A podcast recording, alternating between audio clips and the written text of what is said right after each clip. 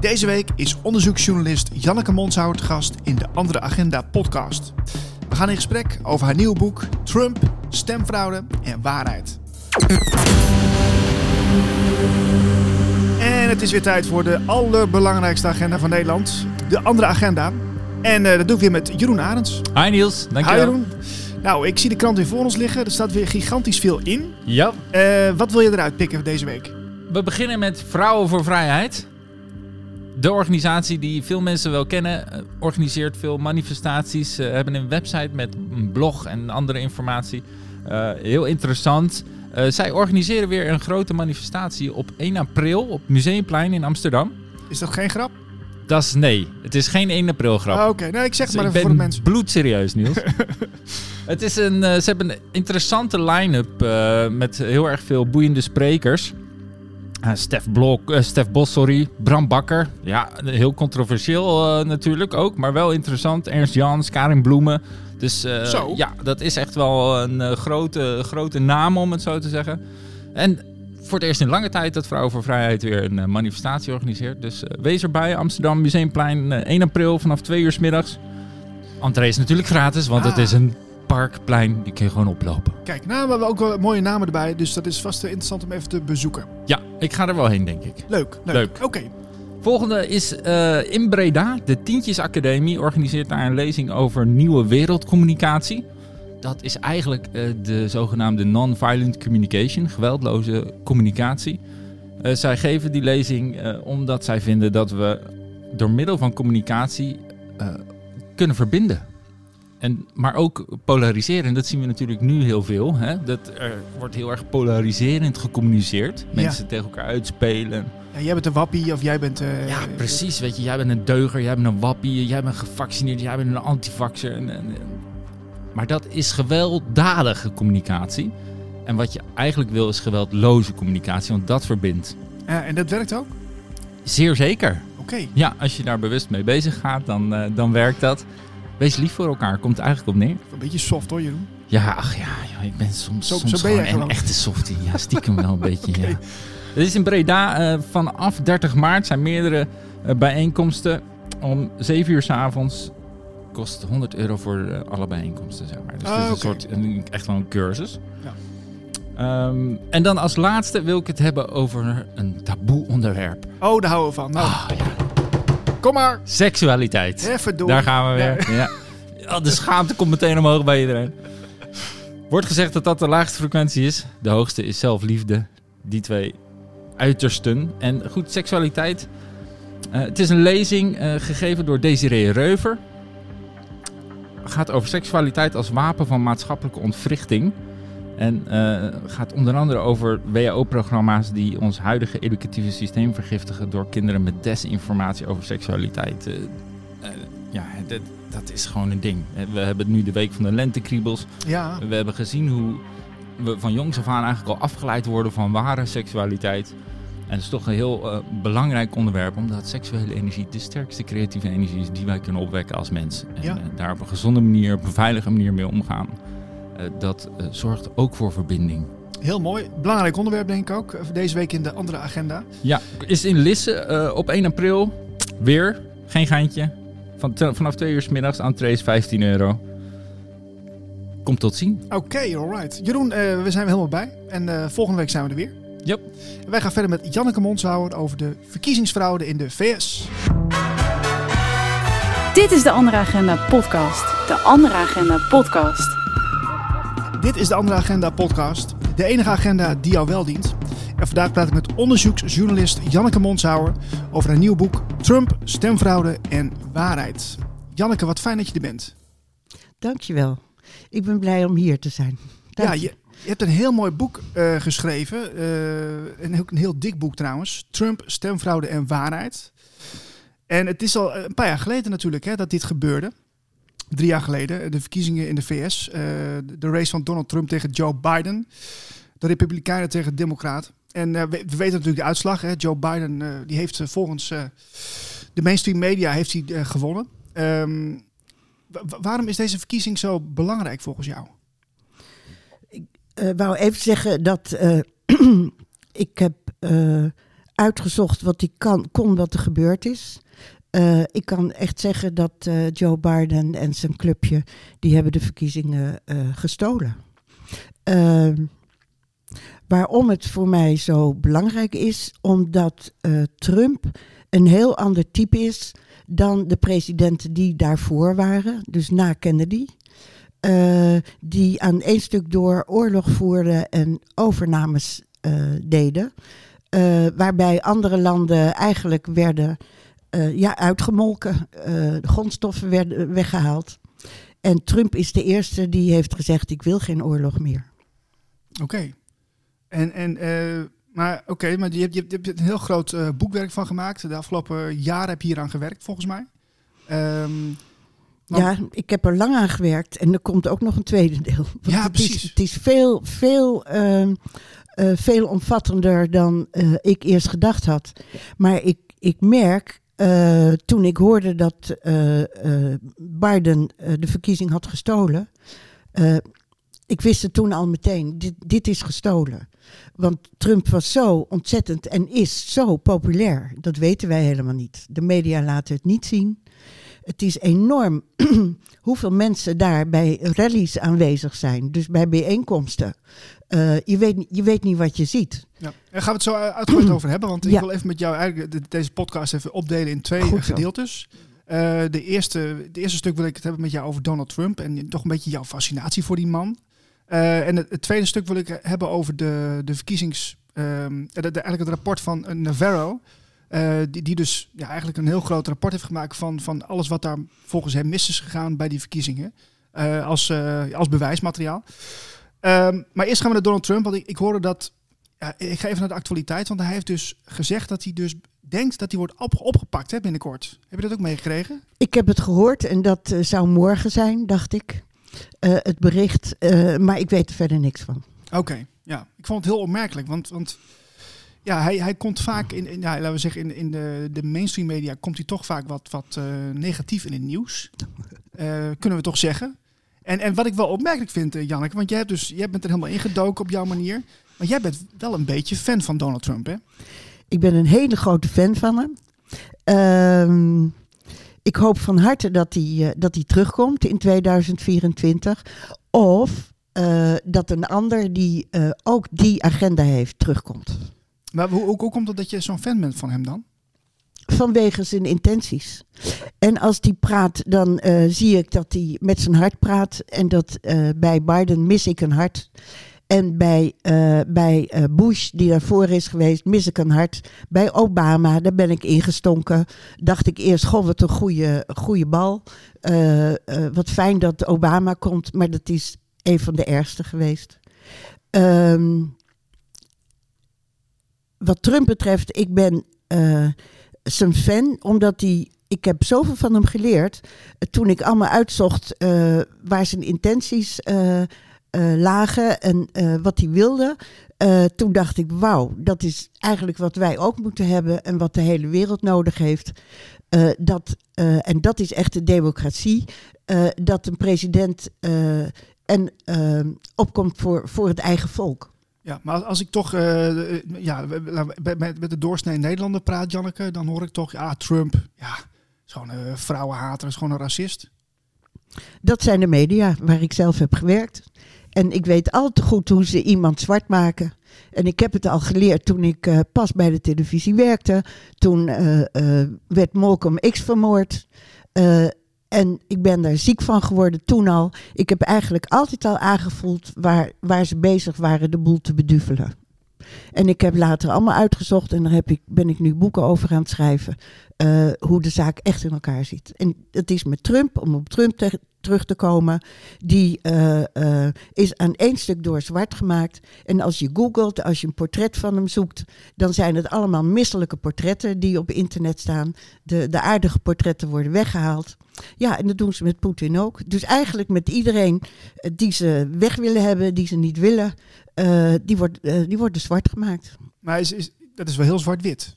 Heel zwart-wit. En zo is het ook. En waarom, waarom moet Trump weg dan? Wat, wat is daar de reden van? Eh, omdat de macht eh, eh, die de wereld wil bezitten en waar we al heel lang mee te maken hebben, ehm, helemaal niet wil dat het volk een stem krijgt. Maar ze willen zelf dat we eigenlijk hun slaafje zijn. En dat is precies andersom wat Trump wil. Hmm. Trump wil dat een, een regeerder of een beleidsmaker opkomt voor eh, waar die voor is gekozen. Ja, maar de- denk je dat, dat Trump ook eh, echt eh, de, de nieuwe wereld wil? Want Ja. ik, heb, ik heb namelijk het gevoel dat Trump gewoon het, het, het oude systeem wil, wil doorzetten. Nou, ik niet.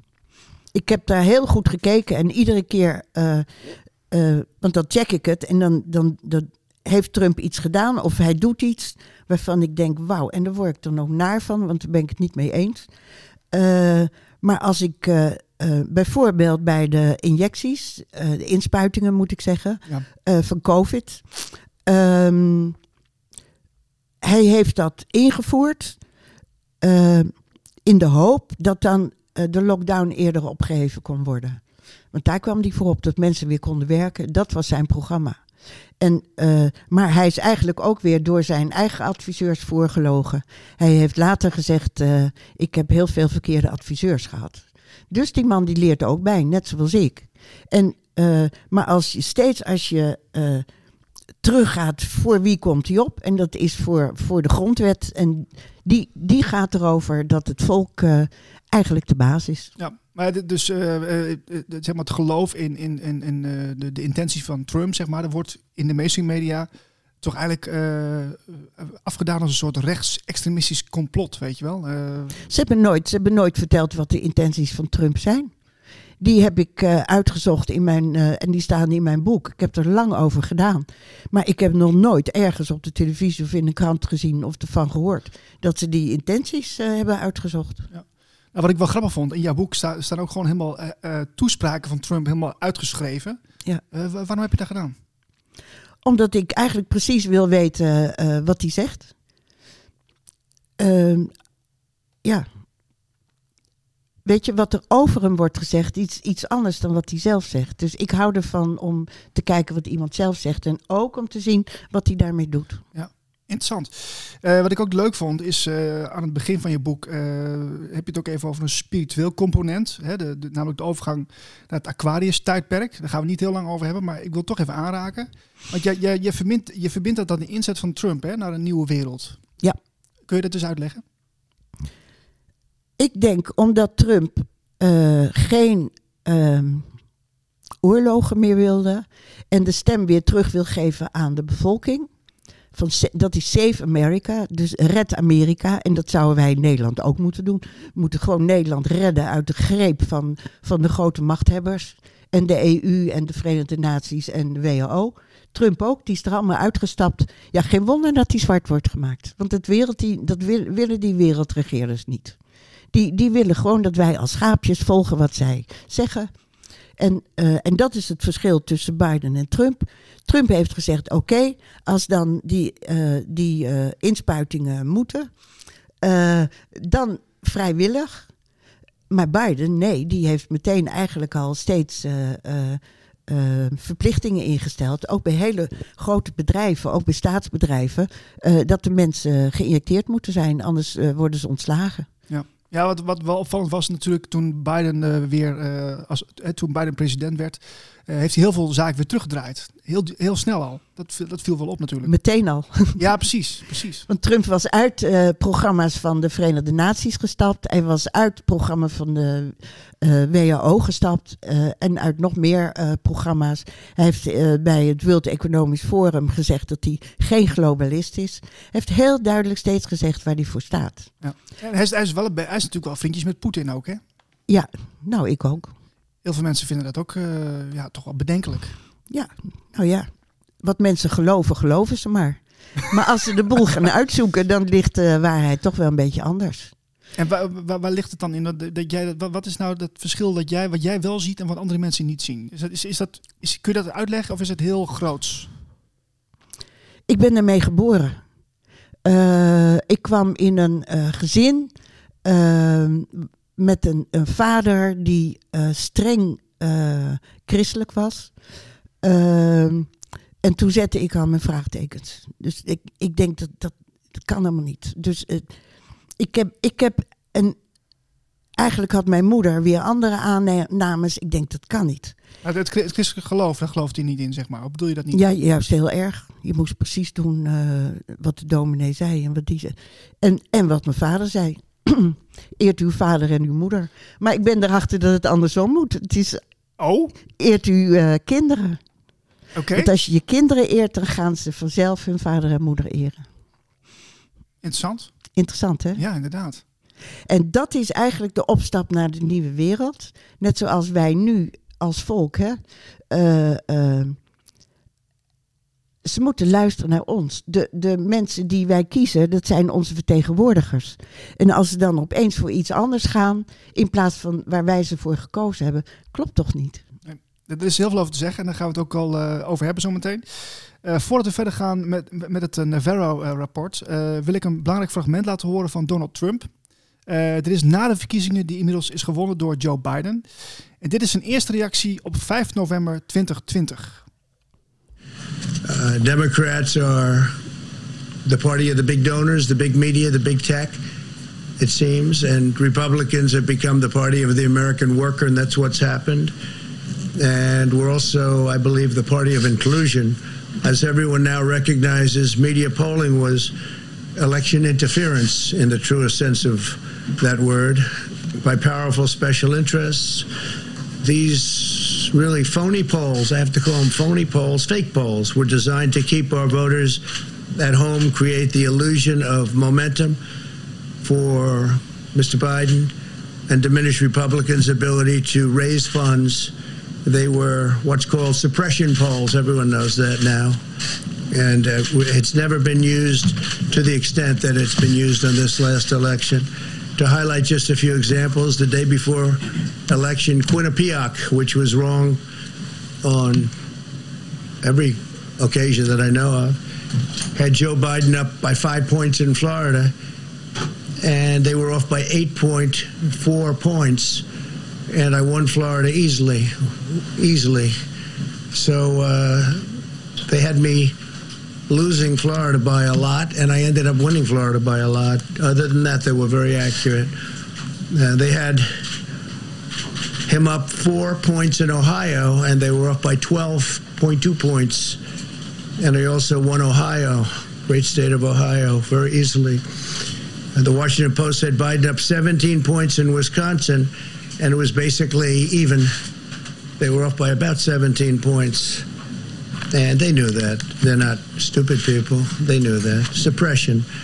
Ja, hij heeft het hier over eh, onderdrukking. Dit is trouwens een fragment van eh, 5 november 2020. En eh, hij komt later ook met meer voorbeelden waarom de verkiezingen volgens hem dan eh, niet eerlijk zijn verlopen. Wat, wat was voor jou het eerste moment, Janneke, dat je dacht van hé, hey, dit, eh, dit klopt niet? Meteen. En ik werd, eh, ik werd er eigenlijk ziek van. Je werd er ziek Ik- van. Ja, ik werd er echt ziek van. En ik ben er, eh, het is voor mij een rouwproces geweest. Dat opeens die Biden eh, eh, in het Witte Huis kwam. Ik, ik heb er heel erg veel last van gehad. Heel erg veel. En toen, toen dacht ik, want ik was met een ander boek bezig. Toen dacht ik, nou, dan moet ik alles weer opzij zetten. Moet ik hierover een boek schrijven. dus zo is het gekomen. Nou, maar die- je, je, je trekt het je wel heel persoonlijk aan dan. Hoe komt dat? Ik, ik kan het je niet zeggen. Ik trek het me inderdaad persoonlijk aan. Ik kan niet meer tegen leugens en tegen die rotzooi. Ik kan er niet meer tegen. Nou, maar je schrijft allemaal boeken over leugens. Ik zoek uit wat de waarheid is en daar knap ik van op. Ja. Heel veel mensen zijn bang voor de waarheid. Die denken, laat me, laat me zitten, want ik, ik ga die nare put niet in om dat allemaal uit te zoeken. Ja, dat hoort bij mijn leven. Net zoals ik eh, eh, mijn eigen leven heb moeten uitzoeken. Hoe het allemaal precies was om trauma's te verwerken. Het zijn bij mij allemaal kleine, eh, kleine grote en grote traumaatjes. Die ik echt alleen maar kan verwerken als ik er aandacht aan besteed. En, ehm, en het goed verwerken. Maar het is ook, het is ook deels wereldleed natuurlijk. Ik heb daar gewoon mee te maken en dat merk ik ook. Want ik heb voor de televisie ook heel wat afgereisd en overal films gemaakt. Ik heb, ik heb iets met, eh, met de aarde wel te maken, ja. Precies. We gaan naar het eh, Navarro-rapport. Peter Navarro is een economisch schrijver. En hij adviseerde Trump onder andere over eh, handelskwesties. Hij was ook lid van het eh, Corona Task Force. Eh, hij heeft een rapport geschreven waarin hij de eerlijkheid en integriteit van de presidentsverkiezingen van het jaar 2020 onderzoekt. En hij had hiervoor zes dimensies eh, waar hij zich aan hield. Eh, regelrechte kiezersfraude, eh, verkeerde behandeling van stembiljetten, betwis- betwistbare procesfouten, schendingen van beschermingsclausule, onrechtmatigheden van stemmachines en significante statistische anomalieën. Nou, dat was een hele een opsomming. Je, hebt, je hebt het rapport helemaal overgenomen in jouw boek, hè? Ja, letterlijk. Ik heb het vertaald en staat letterlijk in mijn boek, ook met de grafieken. Eh, omdat ik heel erg onder de indruk ben van hoe die man dat gedaan heeft. Eh, en later zijn er allemaal eh, door anderen ook rapporten gemaakt. En die, die kwamen eigenlijk met dezelfde soort uitslagen. Terwijl hij heeft er één geheel van gemaakt. En ze hebben het zien aankomen. Ja, dit is natuurlijk wel een rapport van een republikein. Komt er ook nog een, een ander onderzoeksrapport, wat, wat misschien ja, voor de meeste mensen wat, wat onafhankelijker of objectiever zou kunnen zijn? Denk je dat? Denk je dat zelf? Ik vraag het aan jou. Ehm, het klinkt heel gek, maar het is eh, in deze wereld te veel eh, goed en slecht verdeeld. Hoe moet ik dat nou zeggen? Eh, polariteiten. Er is geen midden, er is geen midden meer. Ehm, dat is heel verdrietig. Ehm, maar ja, dat is de realiteit. Het is, het is anti-Trump of voor Trump. Ja. Niem- niemand eh, is, meer, is meer echt eh, eh, neutraal. Vind je het ook niet een beetje beangstigend ergens? Dat we, dat we zo, zo, ver, zo ver uit elkaar staan inmiddels? Ehm, We hebben onderuit trouwens in de krant. Hè. We hebben deze week een hele mooie krant. De, de, de voorpagina vind ik heel fantastisch. Nederland op tweesprong. Eh zijn we samen of zijn we tegen elkaar? Dat gaat natuurlijk over de verkiezingen van eh, de, de, de BBB die flink gewonnen heeft eh, vorige week. ja. En waarin een hele mooie samenvatting eh, staat geschreven in de krant van hoe we er als samenleving voor staan. Ik moet het nog lezen. Oké, maar het is, het het is wel een mooie samenvatting, omdat het eigenlijk wel de kern denk ik wel samenvat. Hè, van waar we nu staan, zeg maar, hè, als, als, ja, als, als samenleving. En hoe, hoe, ja, hoe ver we van elkaar af zijn gedreven om niet meer met elkaar in, in gesprek te gaan. Nou ja, heel veel gezinnen zijn uit elkaar gedreven. Je ziet die tweedeling overal. Ehm, en dat is eh, heel verdrietig. Heel veel mensen zitten met rouwprocessen omdat ze of hun kinderen zijn kwijtgeraakt. Het zijn of wappies geworden of juist andersom, weet je. En, en dat is een enorme tweedeling. We gaan even naar de Navarro Report, want ik heb een aantal voorbeelden die, eh, die ik even met jou wil doornemen. Ja, er staan veel voorbeelden in je boek die variëren van illegale acceptatie van blanco stembiljetten, overleden mensen die hebben gestemd, tot mensen... Ja, ongelooflijk. Ja, het staat er echt in. Eh, en, en, eh, ja, en ook mensen die wilden stemmen op die dag en die kwamen erachter, oh, ik heb al gestemd, terwijl ze nog moesten stemmen. Ja. Nou, dat zijn een aantal voorbeelden. Wat vind jij nou zelf het meest treffende voorbeeld? Het meest treffende vind ik dat ze eh, COVID-19 hebben gebruikt eh, om eh, allemaal stembiljetten naar mensen thuis te sturen. Ehm, en daar is heel veel fout gegaan. Dus al die poststemmen, eh, dat is heel fraudegevoelig. Het gek is, dat is in Nederland ook gebeurd. Ehm, en, die, en er zijn ook Nederlandse stembiljetten naar overleden mensen gestuurd. Ehm, dus dat, dat komt in mijn tweede boek. Maar daar is heel veel fout gegaan. Dus vanwege de veiligheid hebben we gezegd, we gaan, eh, we gaan per post eh, laten stemmen. Vanwege COVID? Zogenaamde veiligheid, ja. Ja, en, daar is heel veel, eh, nou ja, Heel veel fout gegaan. fout gegaan. Ja. Ja. Want ik, ik heb er een paar opgeschreven. Hè. Ehm, wat mij heel erg opviel was het volgende. de, bijvoorbeeld eentje die zegt het zicht belemmeren van waarnemers. In Michigan hingen stembureauleden posterborden op de ramen van de ruimte waar de stembiljetten werden verwerkt en geteld om het zicht te belemmeren van de waarnemers. Je gelooft het niet eigenlijk dat dat gebeurt.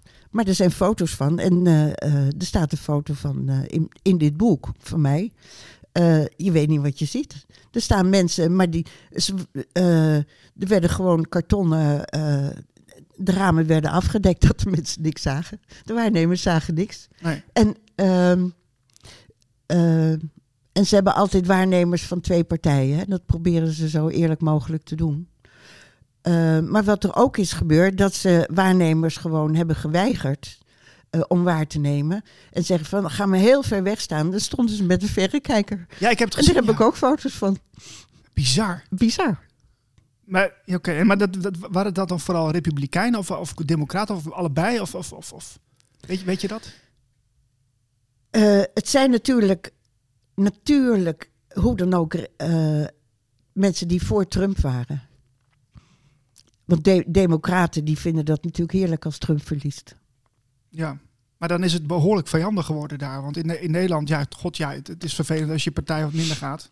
Maar dit, dit is wel heel erg vijandig, vind ik. Als die twee partijen zo eh, ja, eh, extreem ver uit elkaar liggen, wa- waardoor mensen zeg maar boos worden op elkaar of vijandig worden, dat is toch, dat is toch heftig.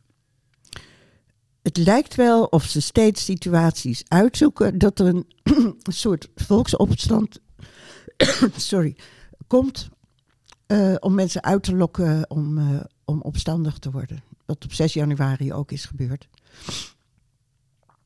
Komt nu uit dat. eh, ik ben verrast, want Trump zegt zelf: al die rallies van pro-Trump mensen die bij elkaar kwamen, zijn altijd vredig geweest. Altijd. Was nooit een opstandje of wat ook.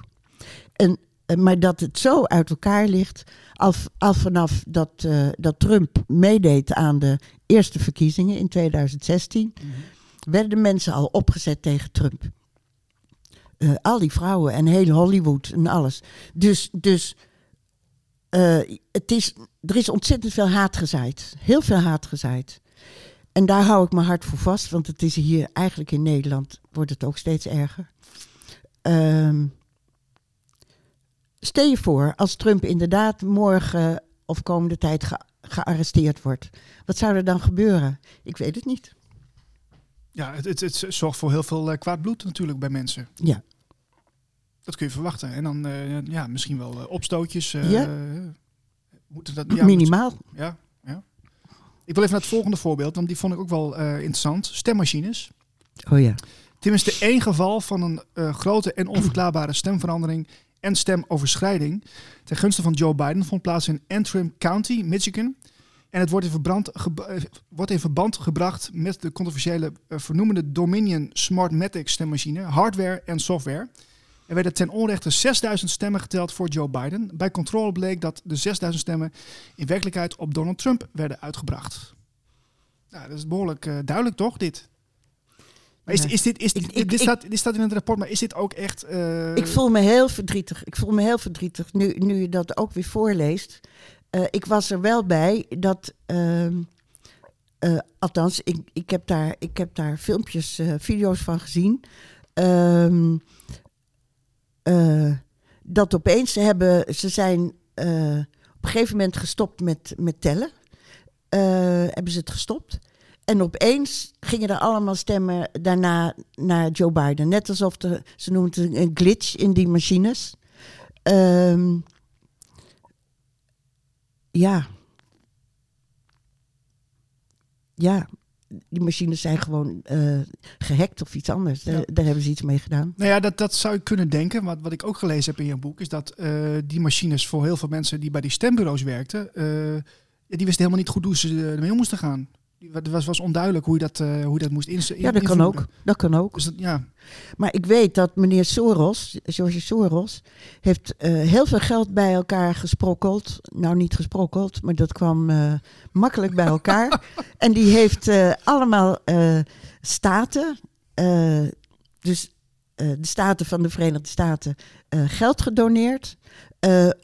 om zich aan te passen voor die nieuwe verkiezingen.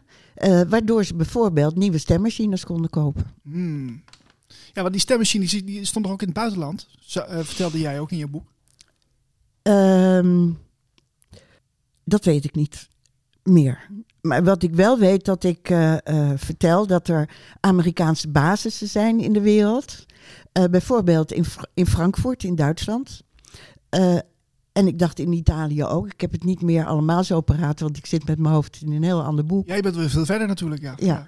En, ehm, maar dat, eh, eh, dat vanuit, vanaf Frankfurt eh, geïnter, eh, geïnterveneerd kan zijn, ja.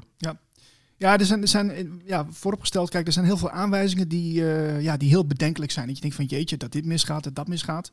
Maar ik Nou ja, als ik even mag zeggen, als je ziet eh, wie er in de directie zit van die stem, stemmachines, ja, dan gaan je oren wel even klapperen.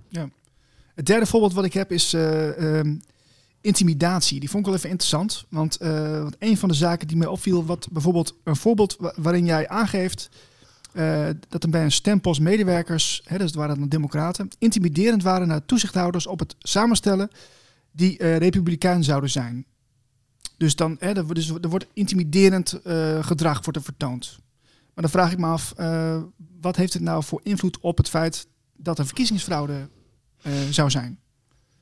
Want dat is intimidatie, maar dat is niet, toch niet direct een, een fraude dingetje. Niet, niet feitelijk, maar natuurlijk wel psychologisch.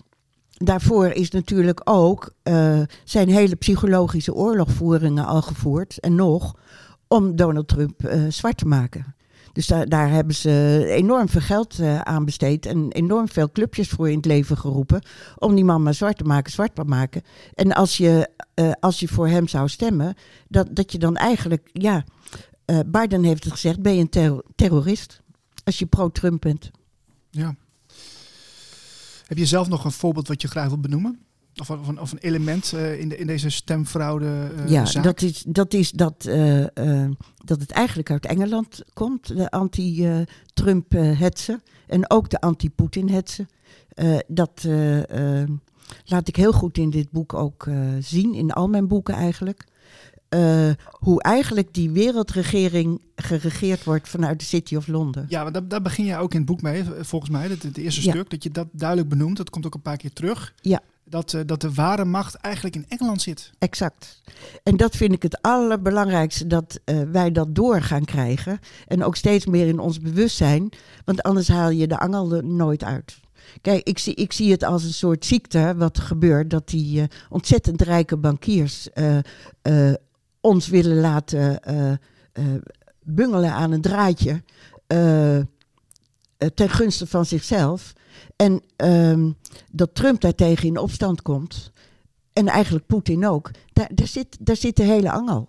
En, en Amerika is eigenlijk een slaafje van Engeland. En dat doe ik in dat boek ook goed uit te doeken, hoop ik.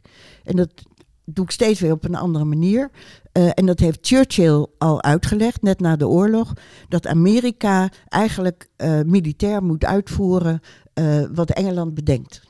En dat zijn dan de, de Engelse geheime diensten in dienst van de City of Londen. Ja. En ehm, dus dat eh, Engeland zijn de brains, de hersenen, en Amerika de spieren. Die moeten het uitvoeren. En dan denkt iedereen, ja, dat, dat, eh, eh, dat wereldimperium Amerika, die, die doet maar dit en dat. Maar het zijn, het zijn de Britten, het zijn de Engelsen. Hmm, interessant, interessant. Ja. Ja, wat ik al zei, er zijn heel veel aanwijzingen in het boek, wat ik, wat ik ook voor een groot deel gelezen heb van jou. Um, maar goed, dan moet er misschien toch meer onderzoek komen, want het is bij het grote publiek is het nog niet bekend. Dit is alleen bij, bij jou en bij mij en een aantal mensen bekend. Iemand moet beginnen met onderzoek, hè? En op een gegeven moment, uh, en dan valt er een druppel in het water en dan komt er een kringetje, een nog groter kringetje. Zo, zo zie ik het. Ja, ik heb de, uiteindelijk ook jouw conclusie heb ik even meegenomen van, van Navarro Report. Uh, die wil ik eigenlijk eventjes uh, voorlezen, of zou jij die willen voorlezen? Heb je? Ik heb hem hier. Ja, ik lees het voor. Oké. Okay. Uit de bevindingen van dit rapport kan worden afgeleid dat er mogelijk sprake is geweest van een gecoördineerde strategie om de verkiezing van Trump-Pence te dwarsbomen. De patronen van onregelmatigheden bij de verkiezingen die in dit rapport zijn waargenomen, zijn zo consistent in de zes slagveldstaten dat ze wijzen op een gecoördineerde strategie om, zo niet de verkiezingen te stelen, dan toch het verkiezingsproces zo strategisch te beïnvloeden dat het speelveld oneerlijk zou kantelen ten gunste van Biden-Harris. Nou, ik wou eigenlijk zeggen dat mijn eigen conclusie is gewoon dat het gestolen is hoor. Uit die conclusie na het hele uitzoeken en alles het schrijven van het boek. Ja, dit, is, dit is nog een vrij voorzichtige conclusie, zou Ja. je kunnen zeggen. Jij, jij bent alweer wat, wat verder. Ja. Wat, wat, uh, want oké, okay, neem ons eens mee. Als, als, het, als het nog erger is dan wat, wat hier wordt geschetst. Nou, dat is die anti-Trump-hetsen. Dat vind ik eigenlijk het ergste. Dat is waar ik ziek van ben geworden. Dat, dat kwaadspreken en dat uh, niet uitzoeken wat er echt aan de hand is. En dat is eigenlijk, uh, het zijn de media waar ik zelf heb gewerkt. En dat, dat maakt me echt verdrietig. Ja, je hebt jarenlang bij de NOS ge- gewerkt natuurlijk. Eh, heb je daar nog wel eens eh, contact mee?